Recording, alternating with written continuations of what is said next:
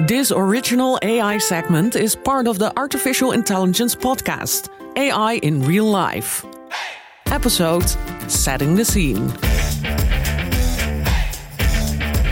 The OG AI. Artificial intelligence isn't something futuristic. The question of whether and how a human can create an artificial being has preoccupied rabbis since Talmudic time.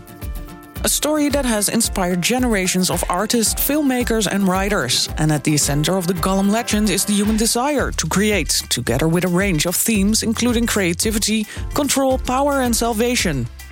A story which can turn dark in a blink of an eye, with technologies or inventions that get out of hand. They can become a threat once their creators lose control over them. This is relevant to many fields, including robotics, genetic research, artificial intelligence, and political movements.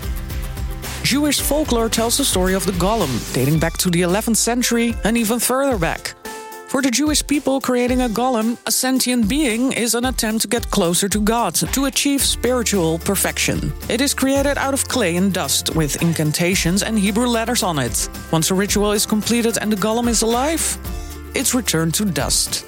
But there's also stories of female golem created to do housework, so we teach AI to learn and learn from teaching the AI. But what can we learn from all the Golem descendants and their stories?